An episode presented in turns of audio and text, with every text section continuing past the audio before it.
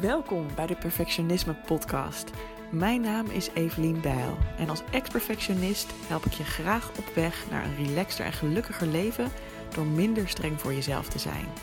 Mijn motto voor jou als je vaak gestrest of onzeker bent: hey, je bent niet gek en je bent niet alleen. Veel luisterplezier.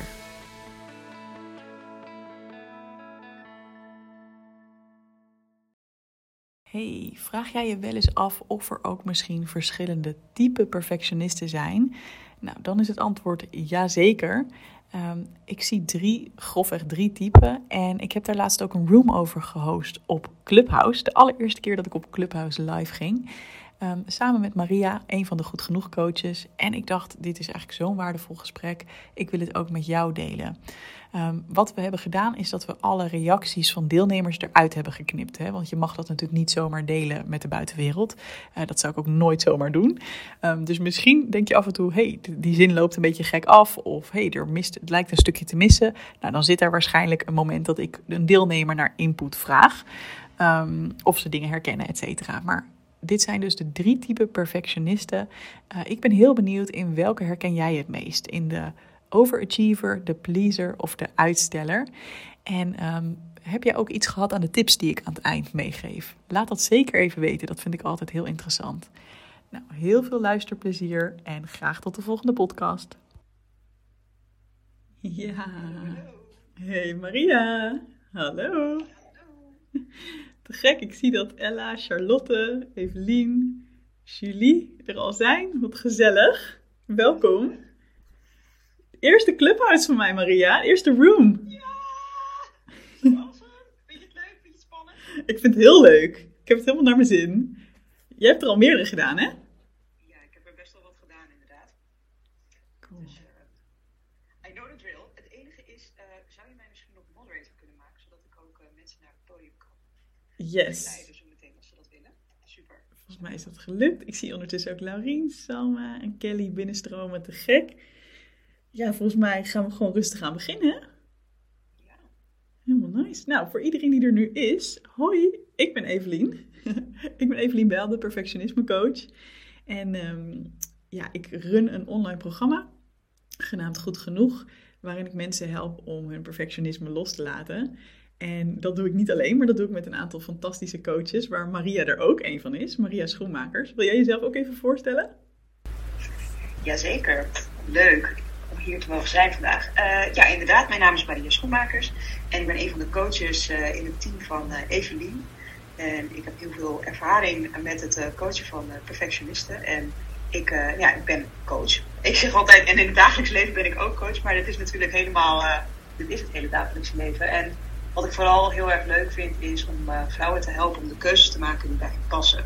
Om zo je leven op een fijne, relaxte en een leuke manier uh, te kunnen leiden.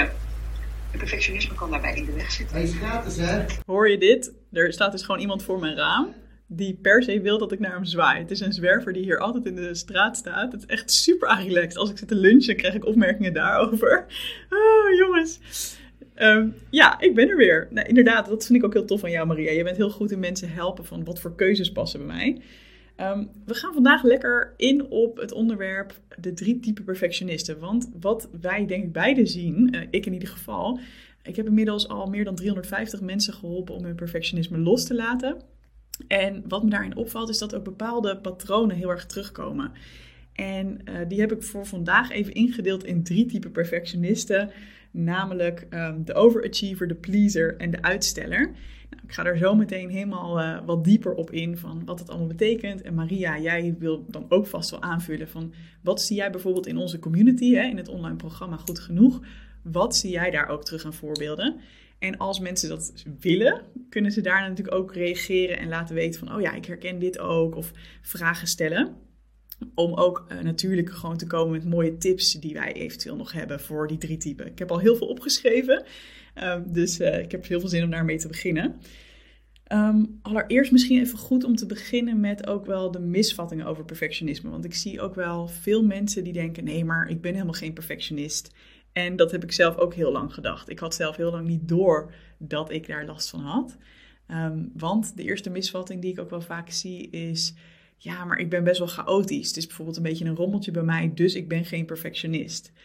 En dat is echt een misvatting, want dat zijn eigenlijk twee hele losse dingen. Je kunt chaotisch zijn, je kunt rommelig zijn, je kunt super gestructureerd zijn, uh, maar dat staat eigenlijk los van perfectionisme.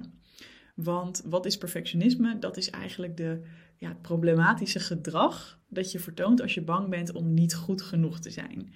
Ik ben benieuwd uh, of mensen dat herkennen, zodat je gewoon best wel bezig bent met die angst van, oh, ben ik wel goed genoeg? En uh, ja, is wat ik doe allemaal wel genoeg?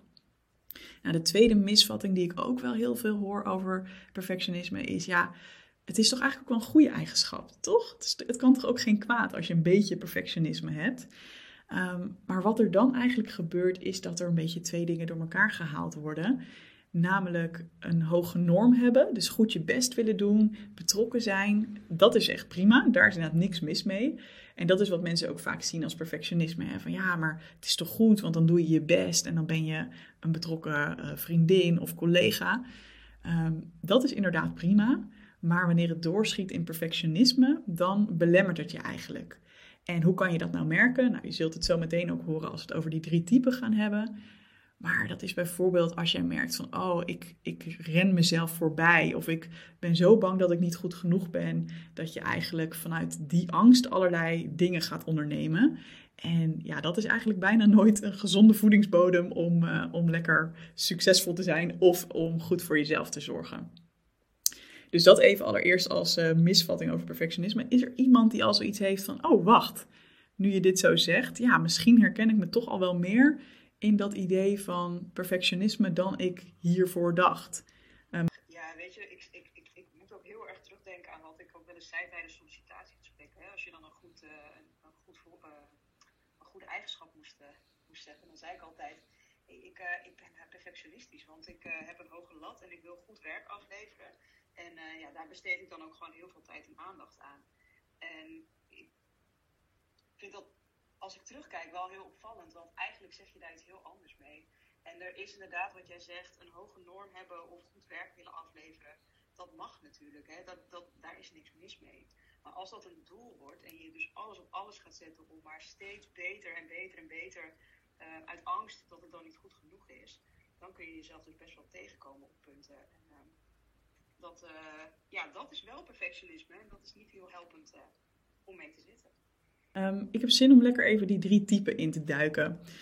Dus wat, wat voor drie typen zie ik? Nou, ik zei het net al eventjes. Ik zie de overachiever, ik zie de pleaser en ik zie de uitsteller.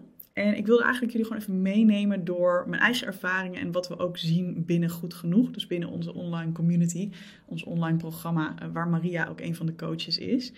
Um, ja, de overachiever dat is iets, ik herken me overigens in alle drie. Dus dat ook even vooraf. Het is waarschijnlijk zo dat je in twee of meer zou kunnen herkennen. Misschien wel in alle drie. Um, maar ik was zelf denk ik het meeste een overachiever en een pleaser. Um, ja, de overachiever is iemand die gaat altijd eigen grenzen over. En je kunt dat herkennen doordat je bijvoorbeeld heel vaak moe bent. Dat je het idee hebt dat je altijd aan moet staan en moeilijk kunt ontspannen. Uh, het werk is eigenlijk nooit af en je voelt je regelmatig overweldigd.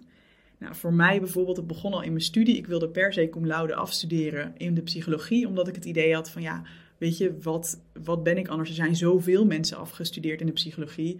Wat, uh, wat voor toegevoegde waarde heb ik anders? dus dat was al een vroeg teken van, ik wilde per se die overachiever zijn, zeg maar.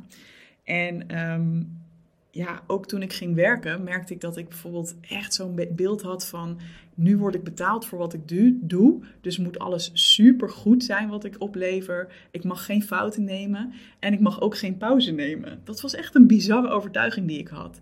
Dus ik had het idee, ja, ik word betaald voor acht uur werken op een dag. Dan kan ik niet even lekker koffie gaan zitten drinken en met een collega kletsen. Dus ik werd dan ook soms een klein beetje geïrriteerd als ik allemaal mensen, zeker als mensen dan bij mijn bureau kwamen staan en met mij een kletspraatje kwamen maken. Dan dacht ik echt, ja, uh, op zich wel heel leuk dat je nu met me kletst, maar ik moet verder met mijn werk, weet je wel. Dat is echt zo'n teken van, wow, als je zelfs daar al jezelf niet de tijd voor gunt en de ruimte voor gunt, dan zit jij misschien ook een beetje aan die overachievers kant. Um, en ik had ook gek genoeg, ondanks dat ik mezelf dus nu zo kan zien als die overachiever, had ik heel vaak het idee van mezelf juist dat ik een beetje lui was of dat ik te weinig deed. dat was de angst die er bij mij onder zat. Ehm, waarom ik altijd zo hard werkte. Dat had ik ook in mijn studie al en ook in mijn werk. Dat gewoon, ja, ik denk best wel snel en ik kan best wel snel dingen doen. Ehm, maar ik ben ook hooggevoelig. Dus voor mij geldt bijvoorbeeld dat ik kan best wel snel iets, iets afkrijgen, maar daarna moet ik dan wel even ervan bijkomen. Dus bijvoorbeeld voor mij is een 40-urige werkweek is een hel. Als ik echt 40 uur moet werken, ja, dat kan wel een keertje, maar dat is eigenlijk heel veel voor mij. Ehm, maar ik, ik snapte dat vroeger nog niet altijd. En dan dacht ik gewoon, ja, ik moet gewoon door. Ik moet gewoon knallen. En ja, op een gegeven moment uh, voelde ik ook echt zo van, oh, maar ik ben eigenlijk vaak veel sneller klaar dan anderen. Maar ja, dan zie ik vast iets over het hoofd of zo, weet je wel. Dat was dan mijn, uh, mijn idee. En ik vond mezelf dan lui als ik niks deed. En nou, allemaal dat soort uh, vervelende gedachten die er ook voor zorgden dat ik heel vaak mijn eigen grenzen overging. En heel erg moe was. En dan vond ik eigenlijk dat ik me aanstelde. Ik moest toch niet zo zeuren, want zo hard, hard had ik niet gewerkt. En als ik keek naar mijn collega's, dan dacht ik ook, ja, die werken toch ook zo hard. Moet je nagaan, hè? die hebben ook nog kinderen. Ging ik ook zo naar mezelf kijken. Van, ik heb niet eens kinderen en ik voel me nu al zo. Nou, dat is allemaal een beetje het plaatje overachiever. Um, we gaan zo door, denk ik, naar de pleaser en de uitsteller. Maar Maria, ik ben even heel benieuwd als jij dit zo hoort. En als er iemand is die hier wat over wil delen van, oh my god, dit ben ik.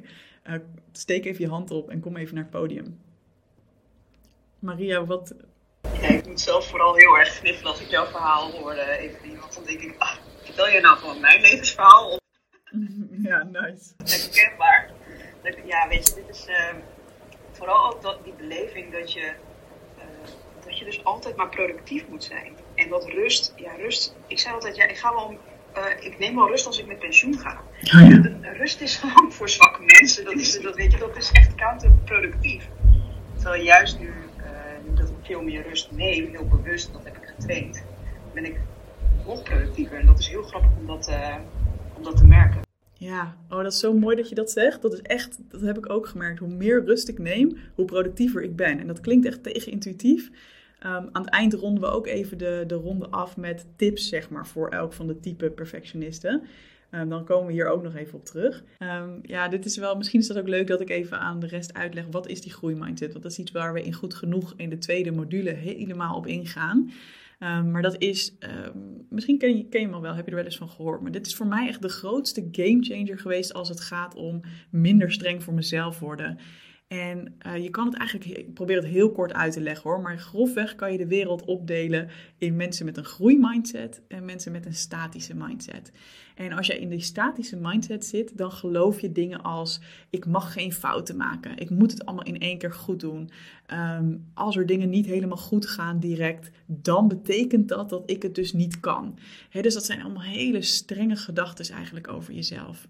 Terwijl als je in een groeimindset zit, dan geloof je hey, het is heel normaal als ik nieuwe dingen doe dat ik dan fouten maak. hey, ik ben nu aan het leren, ik ben dingen aan het ontdekken. En dan sta je jezelf eigenlijk veel meer toe om uh, jezelf niet meteen af te rekenen als er iets niet goed gaat.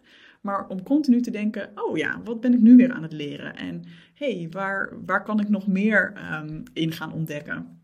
Nou, ik leg het nu even heel kort uit. Ik heb er vast ook wel ergens een podcast over. Zoek de perfectionisme podcast. Um, en zo niet, dan moet ik hem binnenkort maar eens op gaan nemen. Maar het kan heel erg helpen om als je in uh, ontwikkeling bent, hè, bijvoorbeeld als je een programma doet of op wat voor manier als je over dit thema nadenkt, dat je ook daarin dan niet zegt van, ja, en vanaf nu moet ik het helemaal perfect doen. Dus hè, ik ben bijvoorbeeld een overachiever um, en ik moet nu in één keer relaxed worden. Ik moet nu relaxed zijn. Hè, wie herkent dat gevoel van dat je dan merkt van, oh, ik ben fucking druk en ik ben fucking gestrest. En dat je dan ook nog een soort van boos op jezelf wordt, omdat het je niet lukt om een beetje te ontspannen. Nou, dat had ik dus de hele tijd. En dan dacht ik, ja, ik ben hier toch mee bezig. Ik ben dit toch heel goed aan het proberen. Waarom voel ik me dan nog steeds niet ontspannen? Nou, dan helpt het dus heel erg om tegen jezelf te kunnen zeggen: Nee, Evelien, je bent dit gewoon aan het leren. Je hoeft dat allemaal nog niet in één keer te kunnen. Uh, net zo geldt het gewoon voor je werk zelf, hè, inhoudelijk. Als jij met een bepaalde taak bezig bent, of misschien doe je iets nieuws, of heb je een nieuwe functie. Um, en zelfs met een functie die je al langer hebt, je mag je continu ontwikkelen. Je hoeft het allemaal niet in één keer te weten en perfect te doen. Dus dankjewel Charlotte voor die mooie reminder. De pleaser, het tweede type perfectionist. Als je jezelf herkent in de pleaser, dan zul je dit herkennen. Dan uh, ben je iemand die zichzelf regelmatig wegcijfert. Ehm, je zet een ander vaak op de eerste plaats ten koste van jezelf. Ehm, het gevoel dat je vaak zult hebben is een schuldgevoel. Oh nee, ik heb het niet goed gedaan. Ehm, je vindt het daardoor ook moeilijk om nee te zeggen tegen anderen. en misschien ben je ook wel iemand die eindeloos analyseert van heb ik het nou goed gedaan en gezegd of had ik het beter kunnen doen. ja, je agenda en je leven zitten beide vol met de prioriteiten van anderen, zonder dat je eigenlijk heel erg afvraagt van ja, maar wat wil ik eigenlijk en wat is voor mij belangrijk? Um, ik heb ook wat voorbeelden van mezelf opgeschreven, dus die pak ik er even bij. Van, ja, ik was gewoon heel erg bezig wat andere mensen van mij vonden, ook in werk. Oh ja, voor ik het vergeet te zeggen, we hebben trouwens ook een vet leuke online training, zaterdag 6 maart om 10 uur. En die gaat over perfectionisme in je werk loslaten. Dus als je dat interessant vindt, schrijf dan even op dat je je gratis kunt aanmelden via doelgerichtecoaching.nl slash werk. Die, uh, die is denk ik heel erg nuttig. Um, want daar herken in dat werk kwam voor mij ook wel heel erg dat please gedrag terug. Hè? Dus bijvoorbeeld, stel ik werd uitgenodigd voor een meeting en die kwam mij eigenlijk helemaal niet zo lekker uit qua locatie of qua uh, timing. Ik had dan toch altijd het idee van, ja, nee, maar ik moet nu gewoon ja zeggen, want ja, die ander heeft me uitgenodigd. Dus, dus het kwam eigenlijk niet eens in me op om dan nee te zeggen. En ik dacht ook altijd heel erg vanuit van ja, maar blijkbaar is het voor hen het handigste moment dan, of de handigste plek. Dus ja, dan moet ik daar wel in meegaan. en zo kwam het ook wel eens voor dat ik dan toch op mijn vrije dag in een meeting zat. Omdat ik dan dacht, ja, maar ja, ik ben voor die dag uitgenodigd. En het is wel belangrijk. Terwijl ik op een gegeven moment ook leerde van, nee, maar wacht even. Je mag daarin ook wel degelijk aangeven wat voor jou werkt. Hè? Dus Ehm, alleen al door te vragen van, hey, kan het misschien ook op een ander moment of op een andere plek? Kunnen we het misschien digitaal doen? Nou, dat is tegenwoordig natuurlijk helemaal uh, de norm, maar dat was het in die tijd nog niet. Ehm, en ik merkte eigenlijk hoe makkelijk mensen daarin meegingen, terwijl ik in mijn hoofd allerlei verhalen maakte over, oh nee, dit, vinden ze vast vreselijk en hè, ze hebben toch het een voorgesteld, hoezo kom ik dan met een ander voorstel? ik maakte dat eigenlijk heel groot in mijn hoofd. En ehm, de praktijk wees uit dat dat dus niet terecht was. Um, ook privé kwam bij mij dat please gedrag heel erg terug. Uh, stel dat er bijvoorbeeld een vriendin jarig was. Ik herinner me nog goed dat ik op een gegeven moment in Utrecht woonde, terwijl uh, mijn vrienden allemaal nog in Leiden woonden. Inmiddels woon ik weer in Leiden trouwens, dus daar zit ik nu ook. Um, en ik had dan, doordat ik wat verder weg woonde, zag ik mijn vrienden iets minder vaak dan daarvoor. En ik was ook sowieso best wel druk en gestrest. Ik deed in die tijd een traineeship. En ik herinner me nog heel goed dat ik eigenlijk een keer een weekendje gewoon even helemaal niks wilde. Omdat ik gewoon best wel uitgeput was van mijn werk. Maar ja, mijn vriendin was jarig. En eigenlijk was dan, komt dan ook helemaal niet de vraag in mijn hoofd op van... Wil ik dit wel? En heb ik wel de energie en de ruimte hiervoor? Maar de vraag was meer, ja, ik kan het toch niet maken om nu nee te zeggen. Ik kan het toch niet maken om nu af te zeggen. Um, dus dat was de, de, ja, hoe zeg je dat? De emotie of de, het gevoel van waaruit ik dan vaak handelde. Van ja, maar ze zullen dat vreselijk vinden als ik dat niet doe. Oh man, en ik kan je vertellen, dat kost heel veel energie, dat kost heel veel tijd. En ja, het maakte ook dat mijn hoofd altijd heel erg vol zat. En het is zo lekker om dat los te kunnen gaan laten. En nogmaals, ik wil zo meteen daar ook een tip voor geven van hoe doe je dat dan? Het is zo lekker om gewoon keuzes te kunnen gaan maken vanuit wat jij zelf belangrijk vindt. En ik weet zeker dat Maria daar ook wat over te zeggen heeft. Ja, daar, ehm, daar geef je me wel inderdaad een hele mooie voorzet. Want ja, dit is echt zo herkenbaar ook bij mezelf. Weet je wel, van altijd de ander op nummer één. Altijd maar, wat zal een ander ervan vinden? Wat nou als ik dit doe? Um, en, en, niet alleen bij mezelf, maar ik zie het ook bij heel veel deelnemers uh, in goed genoeg voorkomen. Dat dat, dat dat schuldgevoel op een gegeven moment een soort van gaat knagen. Wat zullen anderen ervan vinden? En als je dan een keuze maakt, dat dat dan meteen omslaat in uh, schuldgevoel. En wat jij net ook heel mooi zei, weet je wel, wat, maar wat wil ik nou eigenlijk? Wat, wat als ik nu heel dicht bij mezelf blijf en naar mezelf ga luisteren, wat zou ik dan willen doen? Ongeacht wat een ander ervan vindt en als alles mogelijk zou kunnen zijn. En als je daarbij zou kunnen komen en jezelf die vraag kunt stellen en dan als antwoord kunt zeggen, ja, dit is wat ik wil, dit wil ik. En als je daar vanuit gaat handelen, dan creëer je eigenlijk een hele andere, ja, een hele andere manier van denken en een andere manier van doen. En dan zul je zien uh, hoe mensen reageren. En dan zul je zien of dat wel of niet oké is. Uh, maar dat is dan een bijzaak in plaats van dat het de hoofdzaak is. Ja, heb je daar ook iets, eh, aan het eind gaan we dus nog uh, meer ook wat tips geven voor alle drie de um, soorten perfectionisten. Maar is er al één ding waarvan je zegt, nou dat kunnen mensen sowieso al meenemen. Dat helpt al heel erg om meer die shift te leggen of die focus te leggen op wat je zelf wil in plaats van alleen maar bezig te zijn met wat een ander wil? Ik denk dat het sowieso goed is om uh, stil te staan bij het feit dat je die gedachten hebt. Ja. Uh, de eerste stap is echt wel ook bewust zijn van hè, die weerstand. Van ik ben iets aan het doen. Het voelt in mijn lichaam op de een of andere manier niet helemaal goed. Uh, en daar gewoon even bij stilstaan en voelen wat doet dat in je systeem. Ja. Uh, zonder door te draven, maar gewoon even, oh, Mooi. dit voelt ongemakkelijk. Ik heb een kramp in mijn buik. Ik voel een tinteling in mijn, in mijn lichaam. Ik heb een verhoogde ademhaling. Iets. En daarbij stilstaan, dat is denk ik al één. En dus ook bewust zijn um, bij het feit dat dat dus mogelijk dus veroorzaakt wordt door die gedachten die je hebt. Mm -hmm. Nog voordat je het wil gaan fixen. Want dat willen we ook heel graag. Ja. Ja, het moet meteen opgelost worden, hè? Ja. Ja.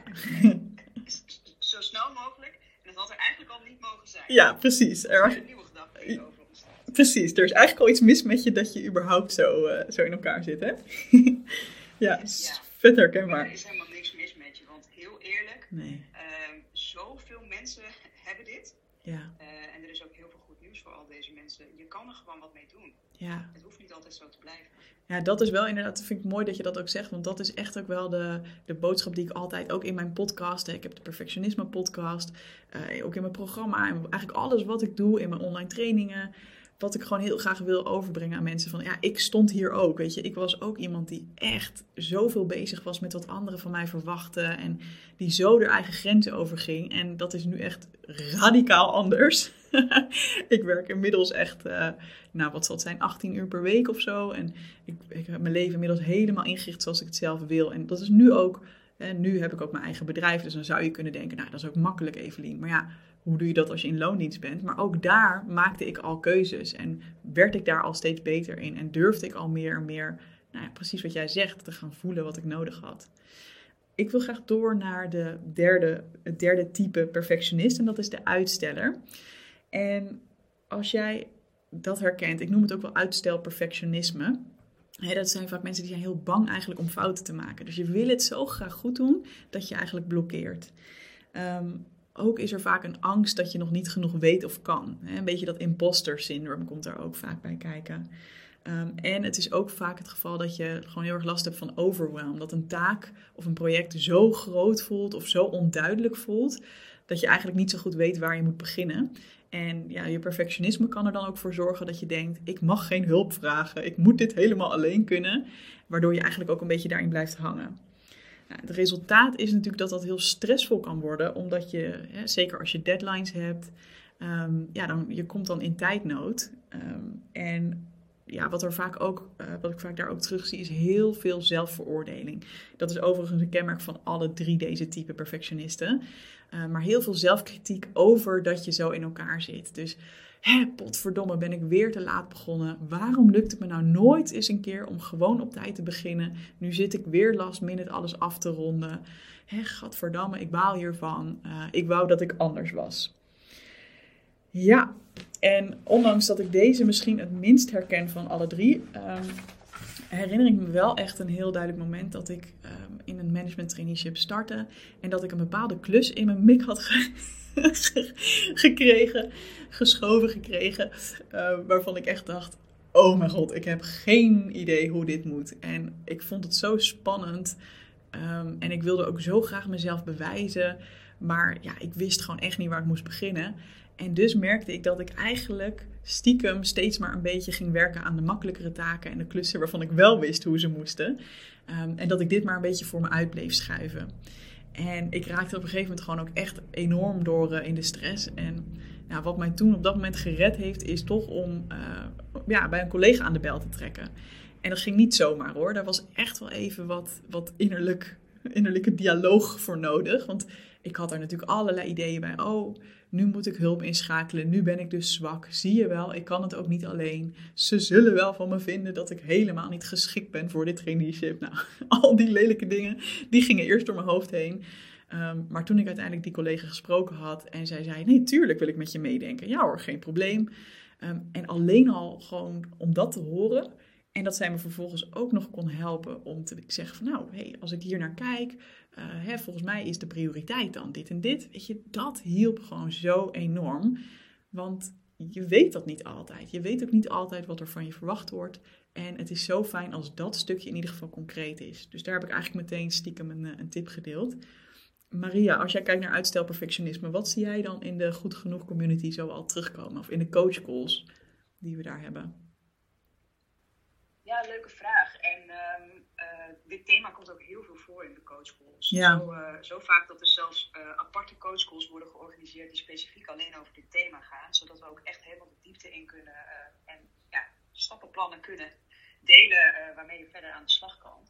En wat daarin heel veel voorkomt is, je wil eigenlijk, dat is ook een beetje hoe, ons, hoe wij hebben geleerd te denken, we denken eigenlijk dat je in één keer een bepaald resultaat gaat behalen. Waardoor we eigenlijk de stapjes overslaan om te zetten, om richting dat resultaat te komen.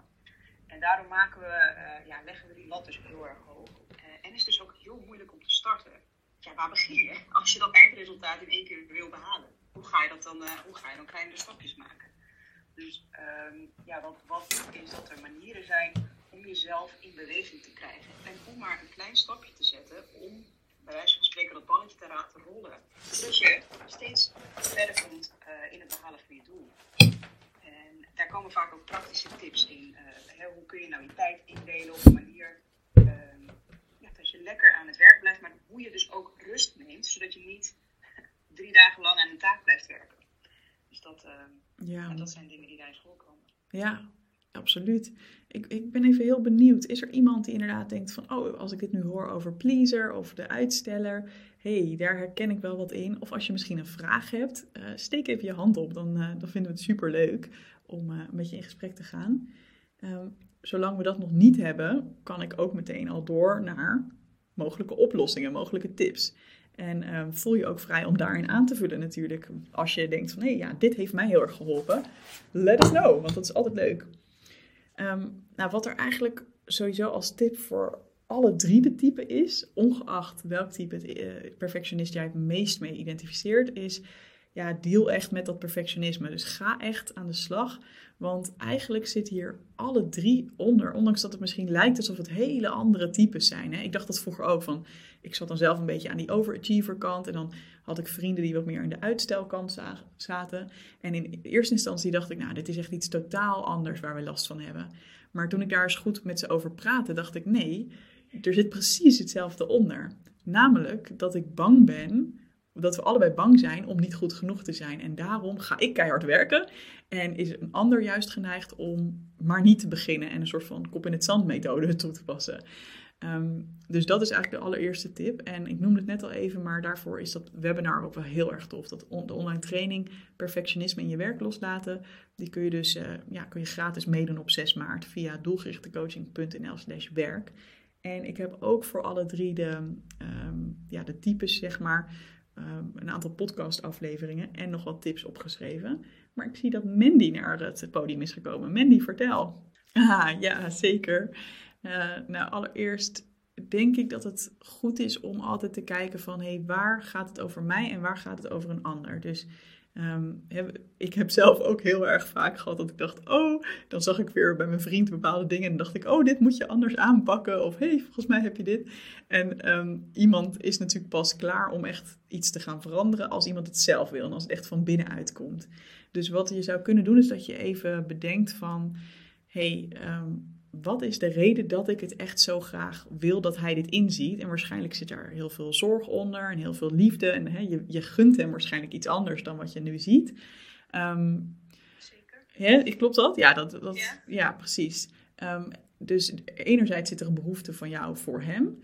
Maar misschien zit er ook wel iets van, hé, hey, maar het raakt mij ook soms. Hè? Soms kun je zelf ook last hebben van iemands gedrag. Um, is dat het geval of valt dat wel mee? Ja. Ja, dus meer dat je hem gunt dat hij wat liever voor zichzelf wordt. Ja. Ja, dat is echt super lief. Ja, wat je natuurlijk kan doen, is dat je hem uitnodigt om, uh, om eens een kijkje in mijn training te nemen. Hè? Dus die gratis training waar ik het net over had. Uh, of hem, hem een podcast van mij laat, laten luisteren van... hey, herken je hier wat in, lieverd? Ik, uh, ik was bij een room en ja, ik herkende daar wel veel van jou in. Um, maar uiteindelijk is toch het allerbelangrijkste dat, dat je hem ook de ruimte geeft om dat op zijn eigen tempo uh, te gaan inzien. En uh, soms zien wij dingen scherper van anderen dan dat ze dat zelf zien. En soms zien anderen ook dingen scherper van ons dan dat wij dat zelf zien. Ja, um, zeker. Dus gun hem ook die tijd. En um, ja, het enige wat je dan kan doen is gewoon op die manier, hey, je, kunt het benoemen, je kunt het droppen. Um, en hem dan ook gewoon de ruimte geven. En misschien kun je ook zelfs wel eens een gesprek erover hebben van... Um, goh, hey, ik merk dat ik dit een paar keer heb gezegd. En ik ja, merk dat het niet helemaal uh, landt. Vind je het eigenlijk wel fijn als ik dit tegen jou zeg? Of kan ik het misschien op een andere manier, kunnen we het hier op een andere manier over hebben? Hè? Is dat iets wat je zou kunnen bespreken op die manier? Precies. En vraag je dan ook wel eens door van, oh ja, want ik merk dat je dat wel vaker zegt. Hè? Van nou, misschien moet ik er wat mee, maar ondertussen zie ik niet echt een verschil. En dat mag natuurlijk, hè. Maar uh, ja, wat, wat, maakt dat je daar dan niet iets in doet? En of, of vind je het irritant als ik hierop doorvraag en moet ik het gewoon loslaten? Weet je wel zo? Ja. Is dat iets wat je zou kunnen doen? Cool. Ja, en, en het is lastig hoor. Het is altijd lastig als je iemand ziet van wie je houdt die ergens mee worstelt. Hè? Ja. Nou, en wat voor perfectionisten dan nog, hè, want dit wat ik net zei geldt eigenlijk over alles wat je bij iemand ziet en wat je hè, misschien wel de ander zou gunnen dat het anders is. En specifiek voor perfectionisten denk ik dat het heel belangrijk is als, uh, hè, als jij dat ziet, dat je gewoon heel liefdevol en heel accepterend bent. Um, ik denk dat je dat al wel bent. Weet je, dat je gewoon heel liefdevol bent, want wat er heel vaak onder zit, is dat, dat perfectionisten zichzelf nog niet helemaal accepteren zoals ze zijn. En um, ja, daar mag dus wel een. Ja, dat kost ook tijd. En het is heel, heel fijn als iemand dan gewoon wel steeds zegt van nee, maar je bent gewoon goed zoals je bent. En je doet het hartstikke goed. En weet je wel, ondanks dat het soms niet lijkt door te dringen, dat doet soms meer dan jij nu al door hebt. Het is dus juist heel mooi als het inderdaad niet is zoals, ja, er was net ook iemand die zei van ja, dan zei mijn omgeving van, dan zei mijn omgeving van ja, je moet gewoon meer ontspannen. Je moet gewoon meer dit. Nou ja, dat helpt dus helemaal niet. Want dan hebben we het idee dat we nog meer moeten. En dat we nog meer dingen aan het verprutsen zijn. Dus ehm, ja, juist als je het heel liefdevol en heel relaxed brengt. En gewoon van joh, ik gun je gewoon het beste. En jij bepaalt hoe en wat en wanneer je dat doet. Ja, dan, eh, dan ben je een hele liefdevolle vriendin, denk ik. Graag gedaan. Volgens mij wilde Eva ook iets toevoegen. Of wilde je over iets anders nog wat zeggen, Eva? Eva is dus ook goed genoeg coach. Super gezellig dat je er bent. Ja, Eh, mijn verbinding is af en toe een beetje instabiel, maar hij lijkt nu heel stabiel. Dus eh, ik ga het gewoon proberen. Ehm, ik, eh, ik wil- wilde eigenlijk precies zeggen wat jij net zei. Evelien, over dat, je, dat het inderdaad heel erg hard, ook, ook, dat stuk nog heel erg hard als, als kritiek binnen kan komen. Van hè, je, de- je, jouw perfe- perfectionisme, ook in je perfectionisme moet je perfect zijn. Dus eh, je, hebt, je hebt hier, eh, eh, hij, hij slaat zichzelf waarschijnlijk voor zijn kop dat hij, dat hij nu weer zo perfectionistisch doet. En wat, ik, wat ik bij mezelf merk is dat ik gewoon een aantal heftige stressreacties heb die dan aangaan als ik, als, als ik perfectionistisch reageer op situaties. En dat, dat zijn eh, echt van die eh, fight or flight of eh freeze reacties. En het duurt soms even voordat je daaruit bent. Ja. En dan, dan, gaan, dan kan je weer helder nadenken. En ehm, ja, dan mag je jezelf de tijd voor geven. Ja, dus ook als je het bij jezelf merkt of bij een ander van... hé, hey, iemand reageert nu heel heftig of, ja, of, of lijkt juist de kop in het zand te steken of wat het dan ook maar is. Dat kan dus ook gewoon even in die emotie zijn of even in dat moment zijn van... oh, ik weet even niet hoe ik hier anders mee moet dealen dan zo'n emotionele reactie, zeg maar.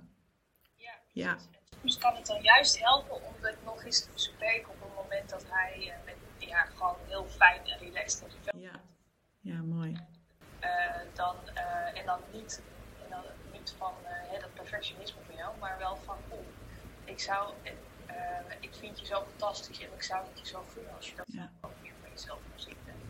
En, en, en, en eh, daar is een coach ook voor. Mooi. Ook voor. En we denken vaak dat we hulp moeten zoeken op het moment dat het eh, helemaal misgaat. Eh, Maar waarom niet iemand, waarom niet hulp zoeken om het nog wat fijner te maken voor jezelf? Ja, mooi. Thanks. Ik zie dat uh, Lineke ook naar het podium is. Lineke, ik laat jou zo graag even aan het woord.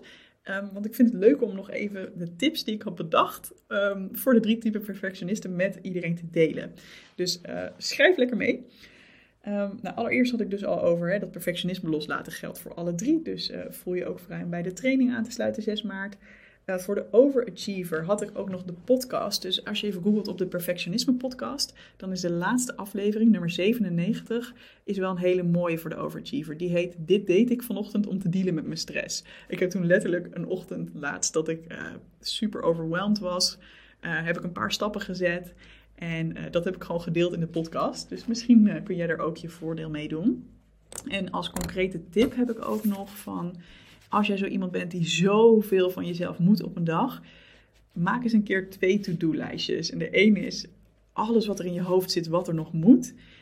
En daarna ga je drie dingen van die lijst pakken, of misschien één, als het iets groots is, waarvan je zegt: Oké, en dit ga ik vandaag doen. In plaats van dat je het idee hebt van: Ik moet die hele lijst doen en dan pas is het goed genoeg. Nee, ik kies één ding, of twee dingen, of drie dingen. Um, dus eigenlijk misschien wel dat je maximaal 50% doet van wat jij denkt dat haalbaar is. Van wat je denkt dat je zou moeten kunnen doen op een dag. En ik weet dat dat in het begin heel ongemakkelijk gaat voelen. Want in het begin denk je dan, oh man, hoezo 50%?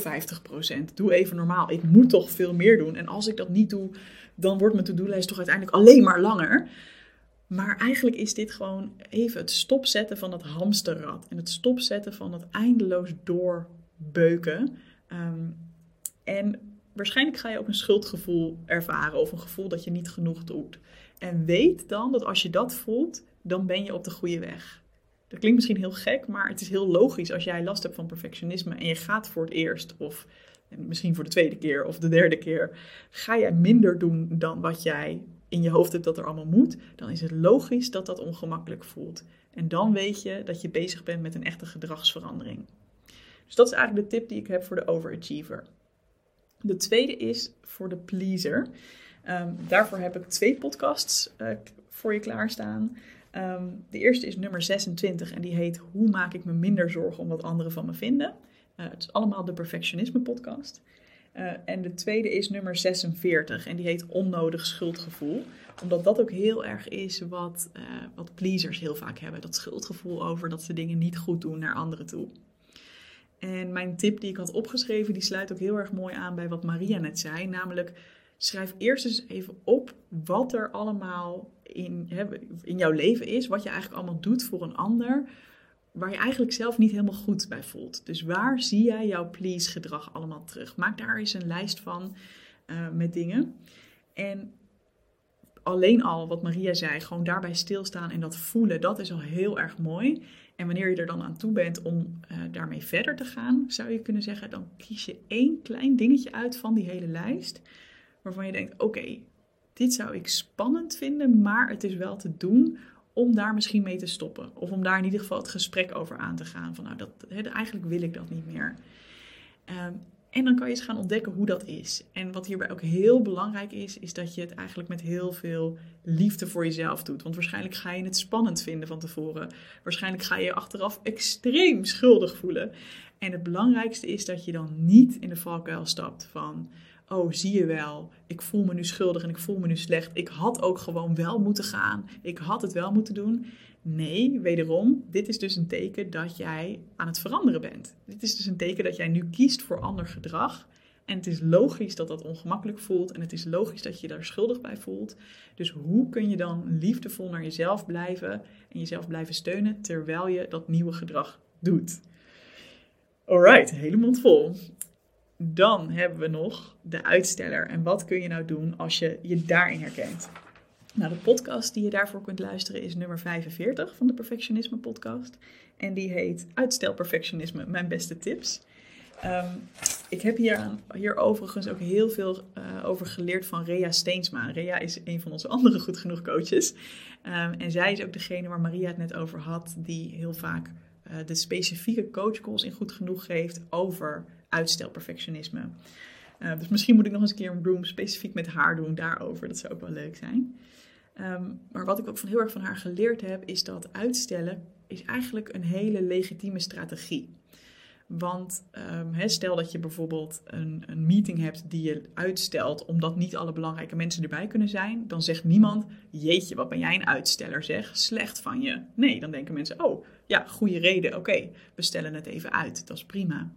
Maar vaak veroordelen we het in onszelf wel heel erg. En het is heel goed om bij jezelf de vraag te stellen als je merkt dat je aan het uitstellen bent: Hé, hey, wat is nou de reden dat ik aan het uitstellen ben?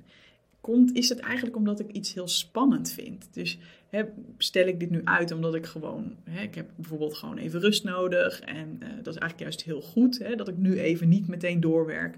Maar dat ik gewoon even lekker een serie ga kijken. Of even lekker op de bank liggen of wat dan ook. En dat ik het dan later of een andere dag doe.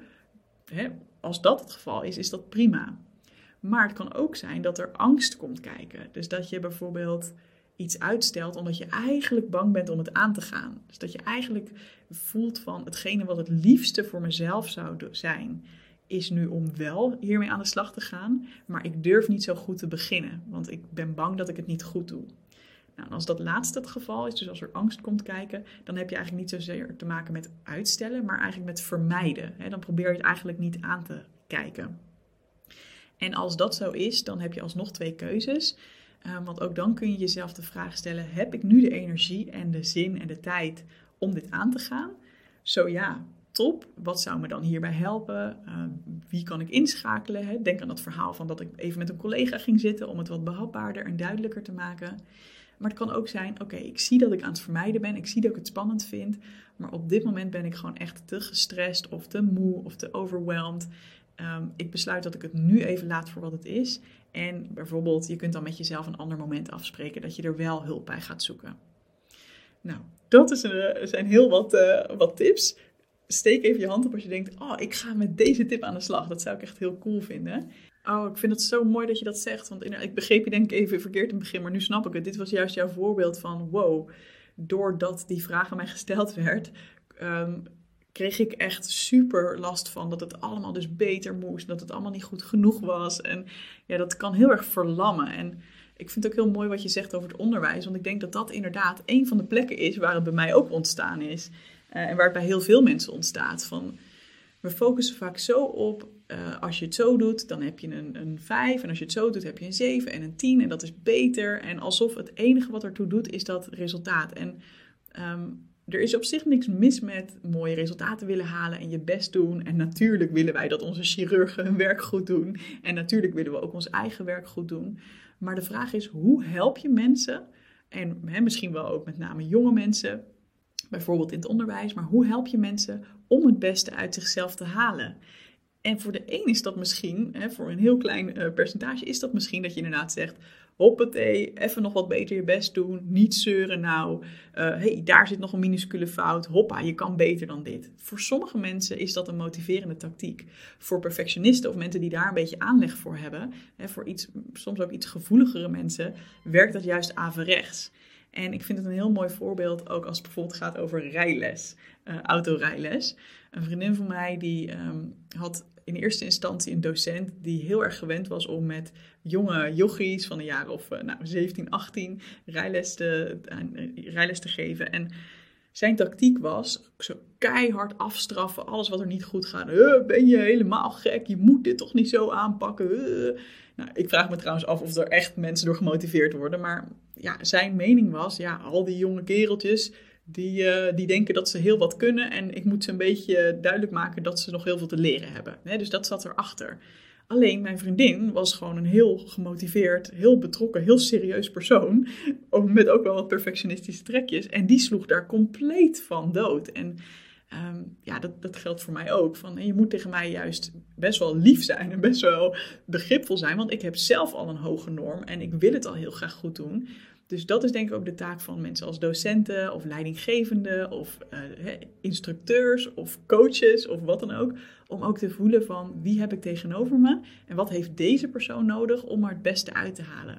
Moet ik diegene gewoon een beetje steunen of moet ik hier echt volle bak ingaan en uh, met al mijn kritiek komen, zeg maar.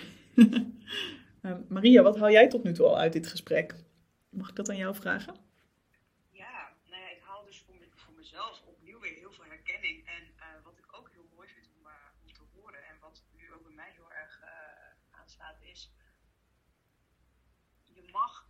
eigen handleiding ontdekken. Hè, wat we nu ook hebben, net over daar, daar kan ik me soms ook wel uh, nou ja, om verwonderen hoe wij dus geleerd hebben dat, uh, dat hoe je een bepaald resultaat, dat daar één weg voor is. En dat ik nu zie in de praktijk en ook bij de deelnemers van Goed Genoeg, dat er duizenden manieren zijn.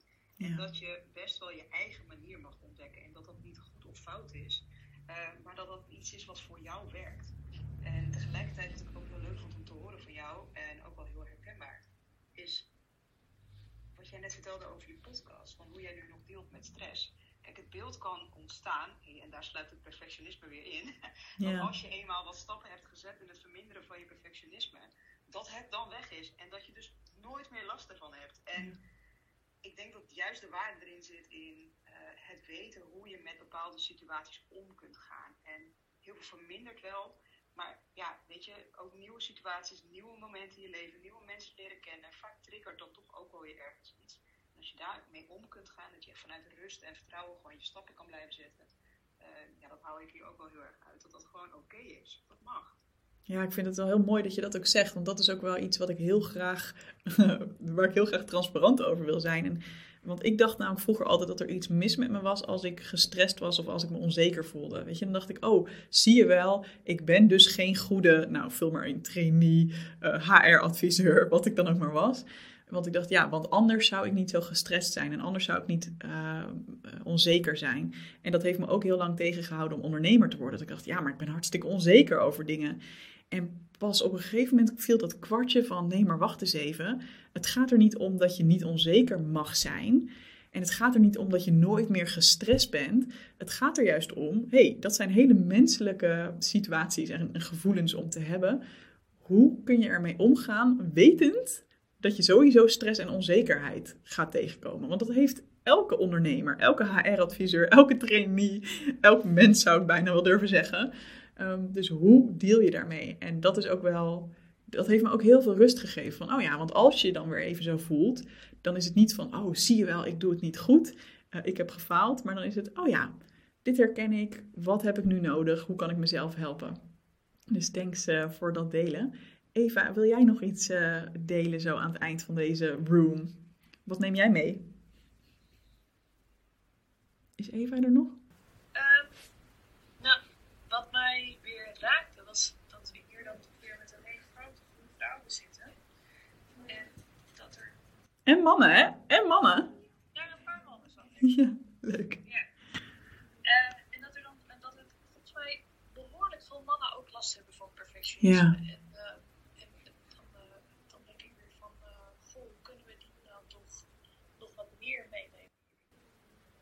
Ja, ik heb ook wel het idee, maar goed, dan spreek ik nu voor een doelgroep die ik niet ken.